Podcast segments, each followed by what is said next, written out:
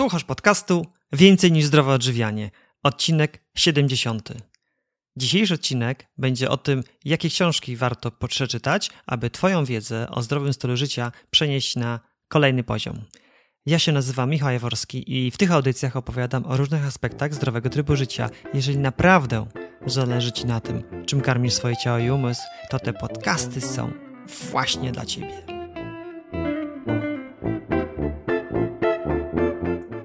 Cześć! Już od kilku miesięcy dość regularnie zaczęliście mnie prosić o nagranie podcastu z rekomendowanymi przeze mnie książkami, książkami dotyczącymi zdrowego odżywiania, zdrowego stylu życia. Nowym słuchaczom, którzy jeszcze nie słuchali wcześniejszych audycji, wspomnę tylko, że w moich poprzednich odcinkach podcastu takie rekomendacje już się pojawiały. Były to odcinki o numerach 22, 5 dobrych książek o zdrowym odżywianiu i numerze 42, co ciekawego przeczytać na wakacjach. Tak więc, jeżeli dopiero zaczynasz swoją przygodę ze zdrowym odżywianiem, to gorąco zachęcam przesłuchanie tych dwóch wcześniejszych podcastów i sięgnięcie w pierwszej kolejności po te pozycje, które tam polecałem. Jest to o tyle istotne, że rodzaj i tematykę książek dobrze jest dopasować do poziomu etapu, na którym się jest obecnie. Mówiąc wprost, gdybym ja książki, o których dzisiaj będę mówił, gdyby te książki wpadły w moje ręce, bądź to przypadkiem, bądź to na skutek czyjejś rekomendacji, gdyby one wpadły jeszcze kilka lat temu, to pewnie bym przez nie nie przebrnął przynajmniej przez część z nich. Książki z dzisiejszego odcinka nie będą o podstawach, ale o dość zaawansowanych i dość mocno ukierunkowanych zagadnieniach dotyczących holistycznego podejścia do zdrowego stylu życia. Gdybym takie książki zaczął czytać za wcześnie, to pewnie stwierdziłbym, że zdrowe odżywianie nie jest dla mnie.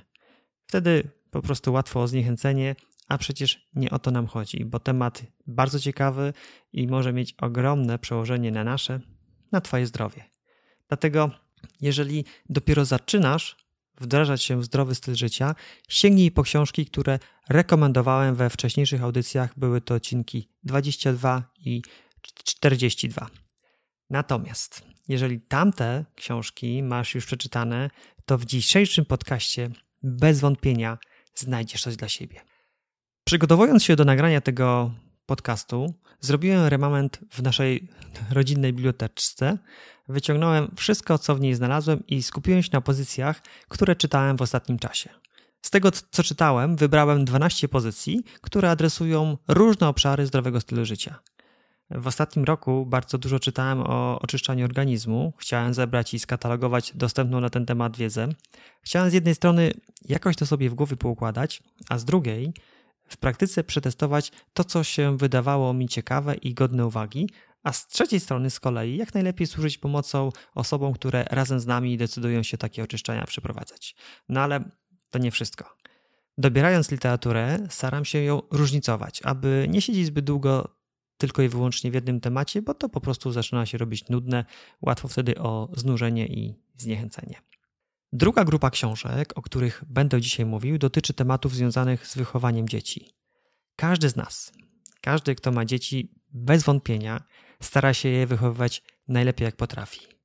Wydaje nam się, mamy nadzieję, a może nawet czasem łudzimy się, że robimy to najlepiej na świecie, no ale praktyka czasem weryfikuje nasze oceny, nie zawsze na naszą korzyść. No bo przecież tej trudnej sztuki niestety nikt nigdy nas nie uczył. Dlatego warto zaglądać do literatury, podglądać innych, jak to robili, aby niekoniecznie wszystkich błędów uczyć się na sobie. Będę też mówił o książkach napisanych przez doświadczone terapeutki, które przez wiele lat w swoich gabinetach leczyły pacjentów, w dużej mierze bazując na leczeniu dietą. To tyle tytułem wstępu. Czas przejść do konkretów. 1. Cud terapii Gersona. Książka napisana przez Charlotte Gerson, córkę Maxa Gersona, twórcę tej terapii, i doktora medycyny Mortona Walkera. Książka przedstawia historię powstawania i dojrzewania terapii, która już w latach dwudziestych XX wieku wyróżniała się ponadprzeciętną skutecznością w leczeniu ciężkich chorób przewlekłych, z nowotworami włącznie. Co to jest ponadprzeciętna skuteczność? W leczeniu nowotworów często pojawia się termin remisji, czyli cofnięcia się zmian nowotworowych. Obecnie Oczywiście uśredniając, medycyna akademicka szczyci się współczynnikiem remisji na poziomie 12%, co w praktyce oznacza, że 12% pacjentów leczonych metodami medycyny zachodniej przeżywa przynajmniej 2 lata. W przypadku zastosowania terapii Gersona współczynnik ten wynosił 42%. Dodatkowo znacznej części dotyczył osób, które zdecydowały się na jej zastosowanie, będąc w przypadku terminalnym, czyli takim, dla którego medycyna akademicka nic oprócz uśmierzenia bólu nie była w stanie już zrobić. Jak już wspomniałem, książka opisuje kulisy powstawania tej terapii, bardzo precyzyjnie wyjaśnia, na czym ona polega i w jaki sposób samodzielnie możesz ją zastosować w domu. W dużym skrócie polega ona na rezygnacji z całej przetworzonej żywności, wykluczeniu produktów odzwierzęcych, jedzeniu lekkostrawnych posiłków i piciu dużej ilości świeżo wyciskanych soków owocowo-warzywnych. Ja po tę pozycję sięgnąłem głównie po to, aby porównać ją do obecnie często stosowanych diet oczyszczających typu dieta dr Ewy Dąbrowskiej, zwana inaczej postem Daniela. I jeżeli jesteś zainteresowany takim porównaniem, to zapraszam na naszego bloga. Jest to opisane w artykule zatytułowanym Niezwykła moc oczyszczania terapia Gersona. Oczywiście linki do wszystkich artykułów, o których będę dzisiaj wspominał i książek, o których będę mówił w tym odcinku, znajdziesz jak zwykle w notatkach do tego odcinka podcastu. Notatki znajdziesz pod bezpośrednim adresem www.więcejnizdroweodżywianie.pl ukośnik P070 jak 70 odcinek podcastu. Oczywiście pisane bez polskich liter i bez spacji. Wracając do książki. Co ciekawe, opisuje ona również perypetie związane z próbą szerszego upowszechnienia terapii Gersona, na przykład przez ówczesnych dziennikarzy zafascynowanych je, jego osiągnięciami. Dowiesz się, dlaczego pomimo niespotykanej jak do tej pory skuteczności, terapia ta ciągle nie jest powszechnie stosowana. Charlotte Gerson, Morton Walker, książka Cud terapii Gersona. Pozycja numer dwa. Rewitalizacja i długowieczność Kinga Wiśniewska-Roszkowska. To druga pozycja z mojej biblioteczce dotycząca oczyszczania organizmu poprzez okresowe posty. Ta książka nie jest już dostępna w ciągłej sprzedaży, jednak na popularnych serwisach aukcyjnych ciągle można wyhaczyć dobrze zachowane jej egzemplarze.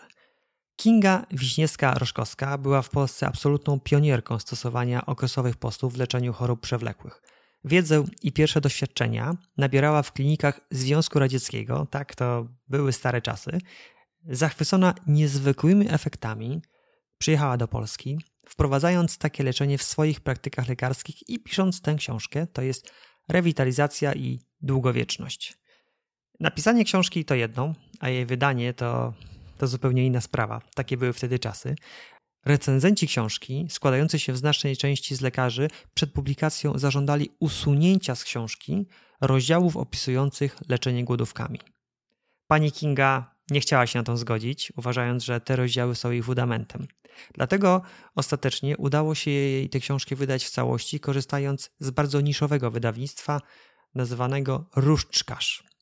Książka oprócz bardzo kompleksowego podejścia do ochrony, a właściwie odbudowy zdrowia, stąd tytuł rewitalizacja, przedstawia bardzo dużo dowodów, przykładów na to, że terapie opierające się na dietach niskokalorycznych rzeczywiście mają pozytywny wpływ na zdrowie. Przytaczała badania naukowe na przykład na populacjach szczurów, którym serwowano diety niskokaloryczne i porównywano ich zdrowie z grupami kontrolnymi karmionymi normalnie.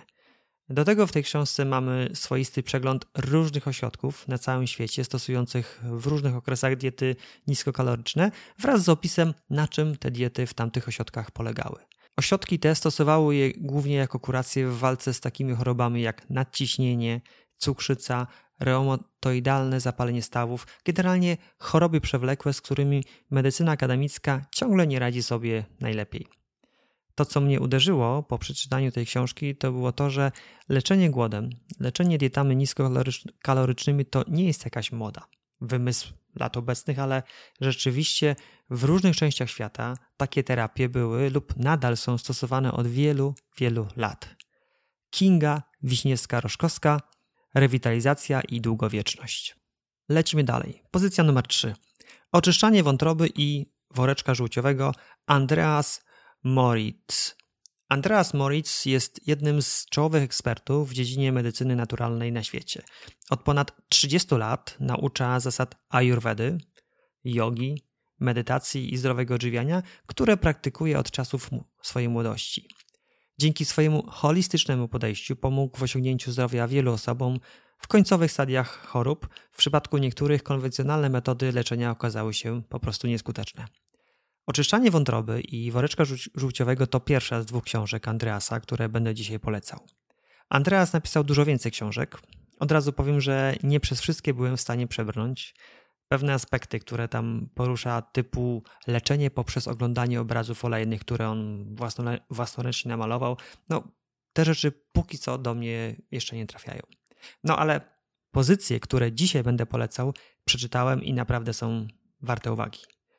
Oczyszczanie wątroby i woreczka żółciowego można podzielić na dwie części. Pierwsza w bardzo przystępny i zrozumiały sposób wprowadza w anatomię i działanie układu pokarmowego z naciskiem na wątrobę i woreczek żółciowy. Jak one pracują, jaką funkcję spełniają w organizmie, co się może dziać, jeżeli ich praca nie jest optymalna i tak dalej. Druga część książki, o niej to można powiedzieć, że to jest taka instrukcja, jak krok po kroku samodzielnie przeprowadzić oczyszczanie wątroby. W praktyce polega ono na piciu przez pewien okres czasu soku jabłkowego, który zwiększa kamienie wątrobowe, aby na końcu terapii, wspomagając się oliwą z oliwek i chyba solą, wydalić je razem z kałem. Oczywiście jest to duże uproszczenie, jednak po przeczytaniu tej książki każdy będzie wiedział, co i jak i kiedy zrobić. Po co, pomyślisz, po co w ogóle to robić? Na to pytanie odpowiada pierwsza część książki, która szczegółowo opisuje w jakich przypadkach i komu takie kamienie wątrobowe mogą przeszkadzać. Ja osobiście takiego oczyszczania wątroby jeszcze nie robiłem, jednak po przeczytaniu tej książki zaczynam się nad tym coraz bardziej zastanawiać. Andreas Moritz, książka Oczyszczanie wątroby i woreczka żółciowego. Pozycja numer 4. Leczenie głodem w medycynie naturalnej. Doktor medycyny Hermann Grising i doktor medycyny Thomas Adrian. Książkę tę kupiłem zachęcony streszczeniem, w którym wydawca obiecywał, że znajdę w niej wiele naukowych, uznawanych przez medycynę akademicką dowodów na skuteczność leczenia głodem. Bardzo chciałem je poznać, bo jak już wspominałem, medycyna akademicka bardzo nieufnie, nieufnie odnosi się do leczenia głodem. Mówiłem o tym więcej w podcaście numer 66 Głodówki lecznicze, wybawienie czy szaleństwo. Zainteresowanych odsyłam do tego nagrania. Praktyka Zawartość tej książki nie do końca jednak spełniła moje oczekiwania, bo choć napisana jest przez dwóch lekarzy medycyny akademickiej, lekarzy, którzy w swojej praktyce lekarskiej wielokrotnie posiłkowali się takimi terapiami, mam na myśli leczenie głodem, oczywiście z sukcesem, to książka ta w większości jest zbiorem ich obserwacji i doświadczeń. Nie znalazłem tam szczególnie wiele odniesień do badań naukowych. Z drugiej jednak strony książka ta bardzo kompleksowo traktuje temat leczenia głodem lub dietami niskokalorycznymi. Adresuje wiele obszarów, począwszy od dobrego nastawienia i wiary w powodzenie terapii, poprzez stworzenie sobie odpowiednio sprzyjających warunków, wiele, wiele aspektów, które jak cegiełki składają się na całościowy obraz, jakim jest leczenie głodem. Tak więc, mimo częściowego zawodu, jakim je spotkam, Polecam tę pozycję osobom, które chcą wzbogacić swoją wiedzę w obszarze oczyszczania organizmu.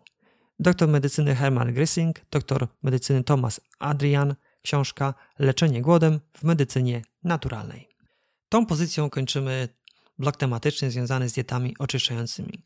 Teraz będzie kilka pozycji, które spodobają się osobom, które po prostu chcą wiedzieć więcej o wpływie pożywienia na zdrowie, bez sięgania po jakieś tam terapie czy posty oczyszczające. Pierwsza pozycja, i to będzie już piąta książka, o której dzisiaj mówię, to bardzo ciekawa książka pod tytułem Beztroskie jedzenie Dlaczego jemy więcej niż byśmy chcieli? Autorstwa Brian Vansing.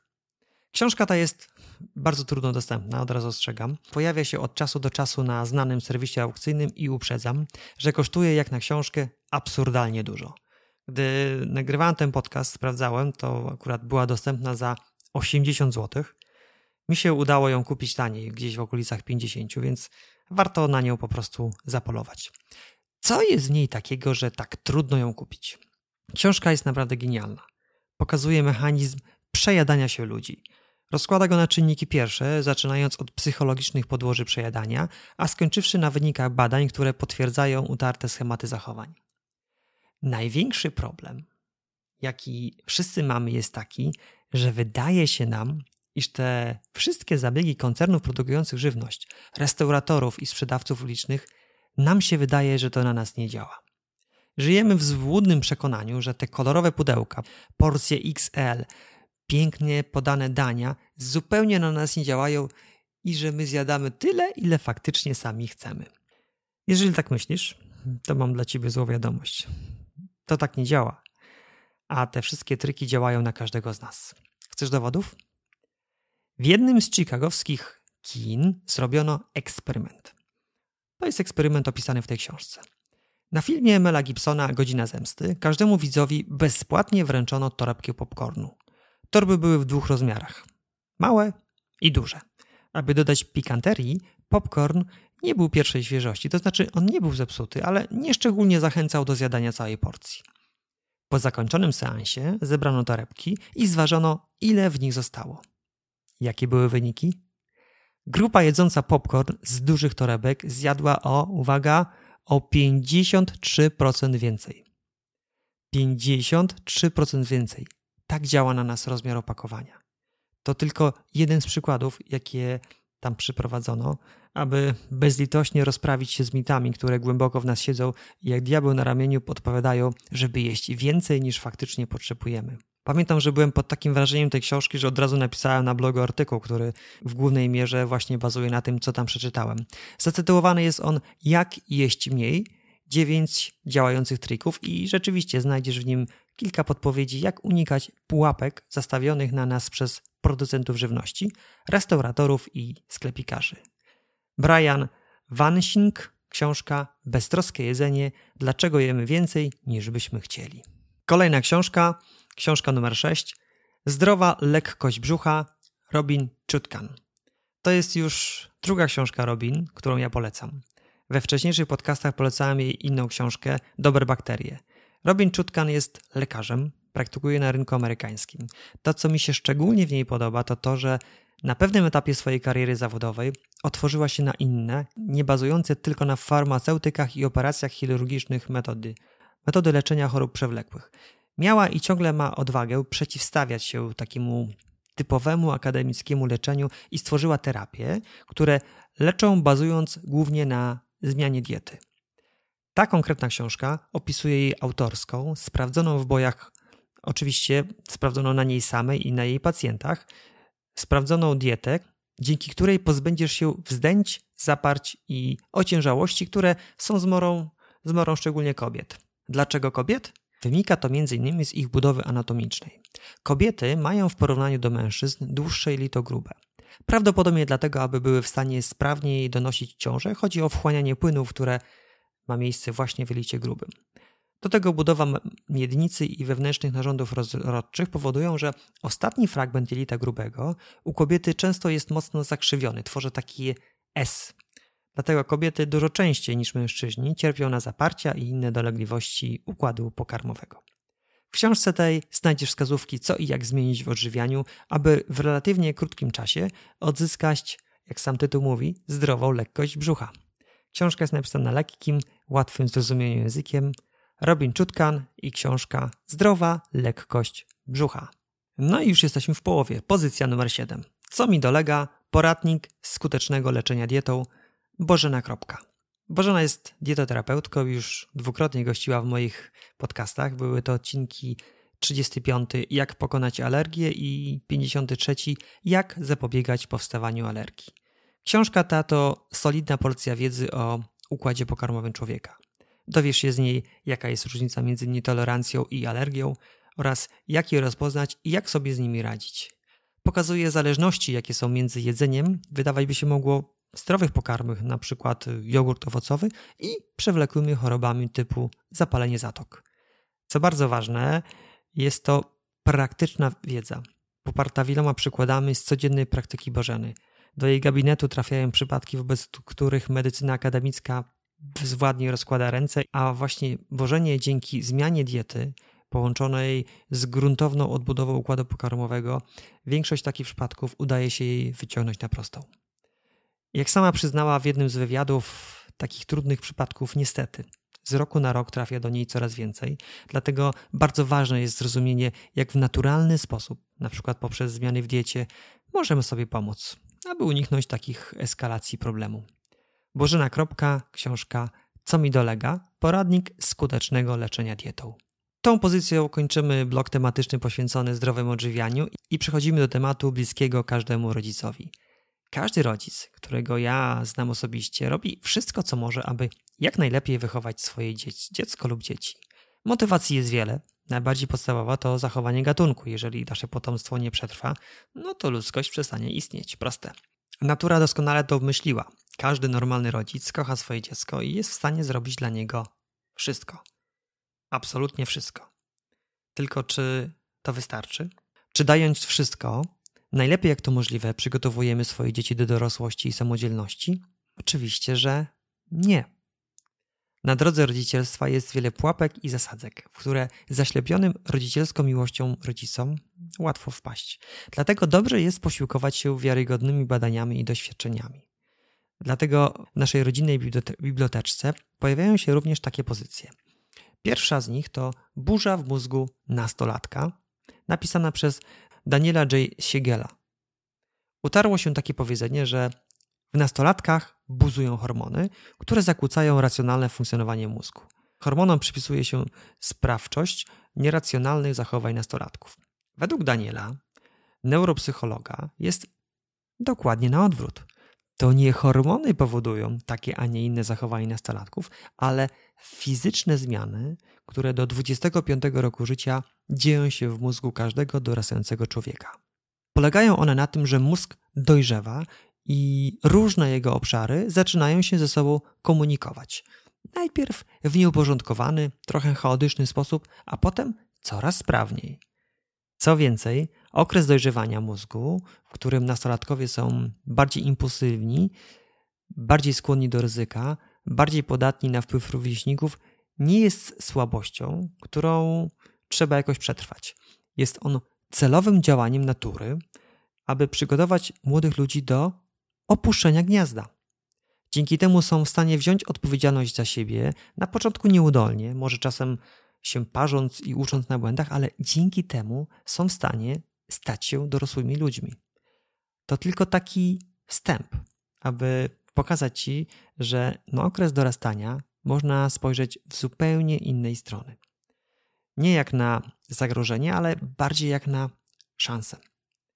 Dalej w książce znajdziesz wiele przykładów, opisów sytuacji, w których poszczególne zachowania nastolatków się uwidaczniają i oczywiście jak sobie z nimi radzić. Radzić w taki sposób, aby wspomóc młodego człowieka do efektywnego i bezpiecznego przejścia tego etapu i w konsekwencji stania się dorosłym, samodzielnym człowiekiem. Temat jest naprawdę fascynujący, szczególnie bliski rodzicom mającym nastoletnie dzieci. Mnie urzekasz tak bardzo, że chodzi mi po głowie nagranie odcinka podcastu właśnie o tej tematyce, tego jak wspomagać młodych ludzi w ich drodze do dorosłości. Daniel J. Siegel, książka Burza w mózgu nastolatka. Pozycja numer 9. To, że będziemy rozumieć, co się dzieje w mózgu naszych pociech, jak ich dziecinne mózgi stają się dorosłe, na pewno będzie nam bardzo pomocne, ale nie będzie to pełny obraz. Aby optymalnie wykorzystać okazję i ich potencjał, inaczej powinniśmy podchodzić do wychowania córki, inaczej do syna. Stąd na mojej liście polecanych lektur pojawiają się właśnie dwie pozycje napisane przez Meg Mecker. Pierwsza to Jak wychować chłopca na mężczyznę. Książkę tę polecił mi kolega, który wychował, właściwie nadal wychowuje y, dwójkę synów. Jego starszy syn ma w tej chwili 19 lat. Czytałem ją raz, zakreślając najbardziej interesujące fragmenty. Niedawno wróciłem do niej, aby odświeżyć sobie wiedzę. Autorka w sumie w obydwu książkach pokazuje szerszy kontekst. Pokazuje, że teraz młodym, dorastającym ludziom jest dużo trudniej odróżnić dobro od zła. Gry wideo, autorytety internetowe wypływające na fali jednego popularnego filmiku, agresywny marketing w lawinowym tempie kryjący potrzeby i napędzający konsumpcyjny styl życia.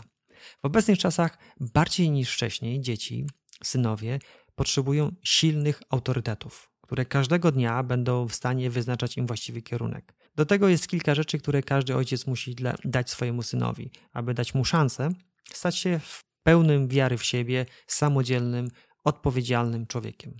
Jedną z nich na przykład jest akceptacja. Świadomość tego, że syn jest akceptowany. Książka pełna jest praktycznych porad autorki, opartych na jej doświadczeniu rodzicielskim i, lekarskim. Dzięki nim dużo łatwiej będzie ci wychować zdrowych i szczęśliwych chłopców, takich, którzy są uczciwi i prawdomówni, odważni, pokorni i łagodni, świadomie panujący nad swoją siłą oraz uprzejmi. Meg Mecker Jak wychować chłopca na mężczyznę. Pozycja numer 10 to będzie druga książka wspomnianej autorki, tym razem pod tytułem Mocni ojcowie, mocne córki. Ta sama tematyka, tylko w relacji tata-córka. To, co w obydwu tych książkach szczególnie uderzyło mnie i pozytywnie zaskoczyło, to informacja, że wychowanie dzieci wcale nie kończy się na wieku 9, 12 czy 15 lat. Taką teorię podsunęła mi kiedyś jedna pedagog, mówiąc, że dzieci są jak koszyki, gdzie do wieku 12 lat, tak to chyba było 12, do tego koszyka wkładamy. Oczywiście to jest taka metafora jej wychowania. A potem możemy już tylko wyciągać, to znaczy zjadać kwaśne lub słodkie owoce tego wychowania. Jednak tak wcale być nie musi. Nawet jeżeli masz nastoletnią córkę i masz obawy, że nie wszystko w kontekście wychowania poszło najlepiej, to ciągle jest pole do poprawy, ciągle jest miejsce na pracę. Oczywiście to będzie już inna praca, bardziej na zasadzie partnerstwa, ale i tak jeszcze wiele można zrobić. W tej książce autorka skupia się na relacji tata-córka, podkreśla i bardzo dosadnie argumentuje, dlaczego rola taty jest dla córki aż tak bardzo ważna. Jak zrobić, aby wykorzystać tę relację, aby pomóc córce stać się w przyszłości pewną siebie, radosną, otwartą na życie kobietą? Tak więc, jeżeli jesteś tatą i masz córkę, nieważne w jakim wieku, to, to koniecznie ją przeczytaj. Meg Mecker, książka Mocni ojcowie, mocne córki. No i znowu zmieniamy tematykę. Kolejna książka, już jedenasta i tym razem przedostatnia z dzisiejszego podcastu, to książka pod tytułem Rak nie jest chorobą autorstwa Andreasa Moritza. Tego autora już w tym nagraniu polecałem. To było przy okazji książki Oczyszczanie wątroby i woreczka żółciowego. Książka Rak nie jest chorobą jest, jest inna. Dość niebezpieczna, powiedziałbym, bo może radykalnie zmienić postrzeganie tej bardzo okrutnej, patrząc na statystyki umieralności choroby. Wyobraź sobie, wyobraź sobie sytuację, w której organizm ludzki jest bardzo mądry i w swojej mądrości robi wszystko, aby przetrwać, nawet w najtrudniejszych warunkach. Jak na razie wszystko się zgadza, prawda? Wyobraź sobie, że w trudnych warunkach, jakie powstają na skutek spożywania przetworzonej żywności, zjadania dużej ilości zakwaszających produktów zwierzęcych, spożywania toksyn i zanieczyszczeń z pestycydów, w tych trudnych warunkach dochodzi do zakłócenia równowagi organizmu. Co robi organizm? Stara się przetrwać za wszelką cenę.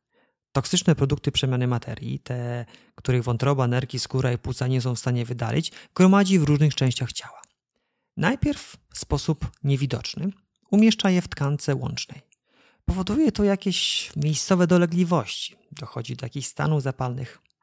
Jednak gdy to nie wystarcza, w kolejnych etapach zdegradowane komórki i toksyczne złogi umieszcza w odseparowanych, żyjących własnym życiem częściach organizmu, zwanych przez medycynę akademicką nowotworami. Medycyna chcąc doraźnie pomóc, wycina te wydawać by się mogło niepotrzebne fragmenty organizmu. Zdesperowany organizm, bo pamiętasz, on robi wszystko, co może, aby przetrwać. Ten organizm odtwarza je w innych miejscach, no bo chce gdzieś te niepotrzebne śmieci trzymać jak najdalej od siebie.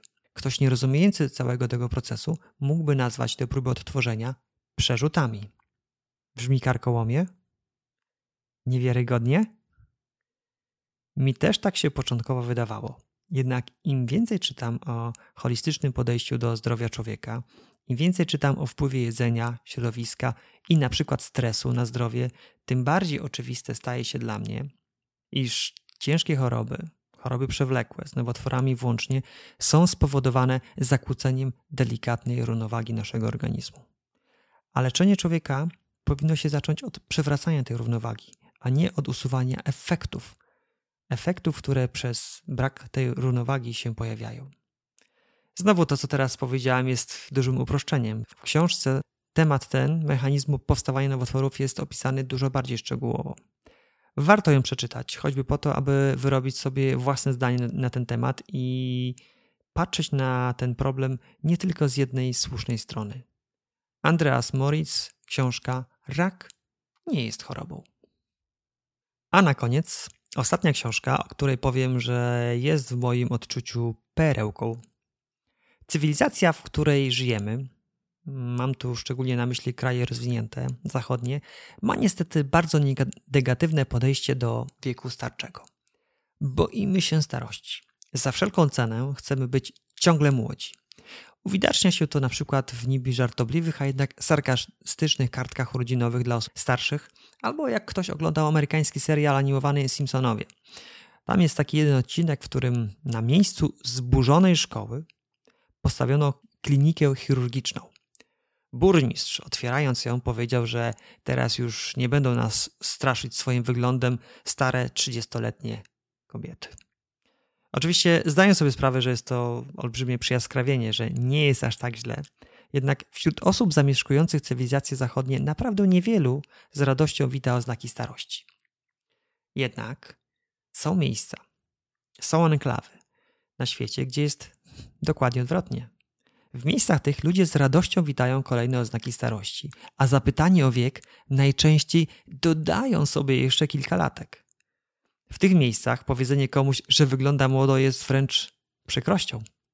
W miejscach tych ludzie w zdrowiu i radości dożywają stu i więcej lat. Starość jest tam postrzegana jako okres spełnienia i upajania się dorobkiem całego, zdrowego, pełnego wyzwań życia. Jak to jest możliwe? Gdzie są takie miejsca? Na koniec zapraszam Cię do lektury książki Zdrowi Stulatkowie autorstwa Johna Robinsa.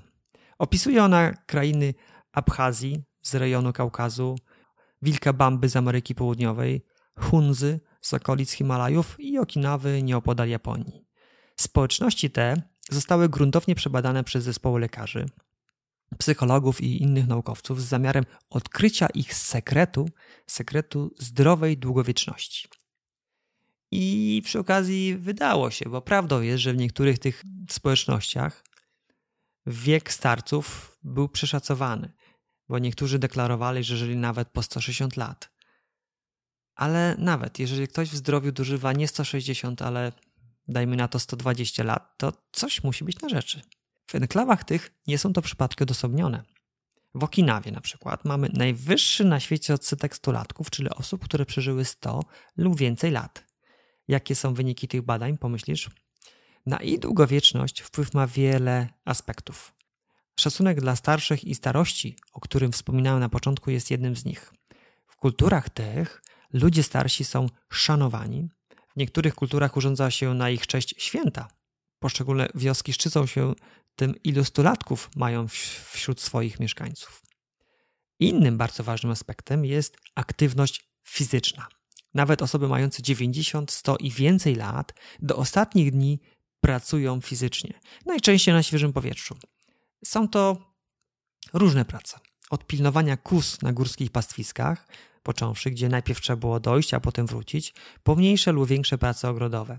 Kolejnym z mojego punktu widzenia najciekawszym powodem ich długowieczności jest ich dieta. Jak się okazuje, wszystkie te społeczności odżywiają się w dość podobny sposób. Poszczegóły zapraszam do książki, teraz tylko wspomnę, że kluczowym elementem tej diety jest jej niskokaloryczność. Dorosły, aktywny fizycznie mężczyzna spożywa w tych społecznościach do 1900 kalorii dziennie, gdzie na dietę typowego Amerykanina, nieaktywnego fizycznie, składa się jakieś 700-800 kalorii więcej. Oczywiście nie wystarczy tylko jeść mniej, trzeba jeszcze odpowiednio wybierać produkty spożywcze. Poszczegóły zapraszam do książki. Jest dobrze napisana, Pomimo dużej ilości odwołań do badań, nauk do badań naukowych czyta się ją przyjemnie i szybko. John Robbins, książka Zdrowi stulatkowie. To tyle rekomendacji książkowych, które chciałem Ci dzisiaj przekazać.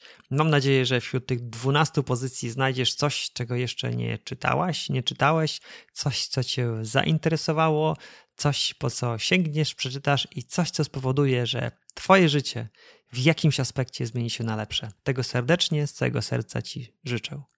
Linki do wszystkich książek, o których dzisiaj mówiłem, które są w ciągłej sprzedaży, bo niektóre trzeba szukać na serwisach aukcyjnych. Linki te znajdziesz w notatkach do tego podcastu dostępnych pod adresem www.więcejnizdrowoodżywianie.pl ukośnik P070. Są to linki afiliacyjne, co oznacza, że jeżeli kupisz książkę klikając na tego linka, to księgarnia część wartości transakcji, jest to kilka procent, wypłaci mi w formie prowizji. To ciebie zupełnie nic nie kosztuje. Wystarczy, że przy zakupie skorzystasz z linka, który ja tam dla ciebie umieściłem. Jeżeli podcast Ci się spodobał, a jeszcze tego nie robiłaś, nie robiłeś, to poświęć proszę chwilkę i zostaw mi recenzję w serwisie iTunes. Dzięki takim recenzjom mój podcast jest lepiej widoczny i łatwiej jest mi docierać do kolejnych fantastycznych słuchaczy, takich jak Ty. Pod tym samym adresem co notatki znajdziesz filmik z taką opcją, żeby wiedziała, wiedział jak możesz taką opinię mi zostawić. Dziękuję za wysłuchanie tego odcinka podcastu. W kolejnym usłyszysz o wpływie diety na potencję seksualną. Tak, nie przesłyszałaś się. W kolejnym podcaście usłyszysz wywiad z założycielem jedynej w świecie, albo nawet w wszechświecie pracowni kardioseksuologii. Kardioseksuologia to jest dziedzina, jest to dziedzina medycyny akademickiej, która między innymi łączy problemy dotyczące układu sercowo-naczyniowego z dysfunkcjami seksualnymi. Okazuje się, że różne problemy natury seksualnej mogą być wczesnym sygnałem bardzo poważnych, i to mówię serio, problemów układu sercowo-naczyniowego. Oprócz tego będziemy oczywiście rozmawiać o profilaktyce dysfunkcji seksualnych. Profilaktyce przez co? No, oczywiście przez zdrowe odżywianie. Ale to już dopiero w kolejnym odcinku podcastu, do którego wysłuchania Cię gorąco zachęcam. A tak już zupełnie, zupełnie na koniec powiem, że jeżeli chcesz zacząć zdrowe odżywianie i nie do końca wiesz, jak się za to zabrać, to może Cię zainteresuje e-book 6 kroków do zdrowego odżywiania. Dowiesz się z niego, co musisz zrobić, zanim zaczniesz zmiany w diecie oraz poznasz produkty, które powinny zniknąć z Twojej kuchni wraz z ich zdrowymi zamiennikami. Co zrobić, aby zupełnie bezpłatnie zostać posiadaczem takiego e-booka? Wejdź na adres www.więcejnizdrowoodżywianie.pl ukośnik prezent, podaj tam swojego maila, a my wyślemy Ci na tego maila e-booka 6 kroków do zdrowego odżywiania. Przypominam adres www.więcejnizdrowoodżywianie.pl ukośnik prezent. To już naprawdę, naprawdę wszystko na dzisiaj. Życzę Ci przesympatycznego dnia, tygodnia, miesiąca i do usłyszenia w kolejnym podcaście. Cześć!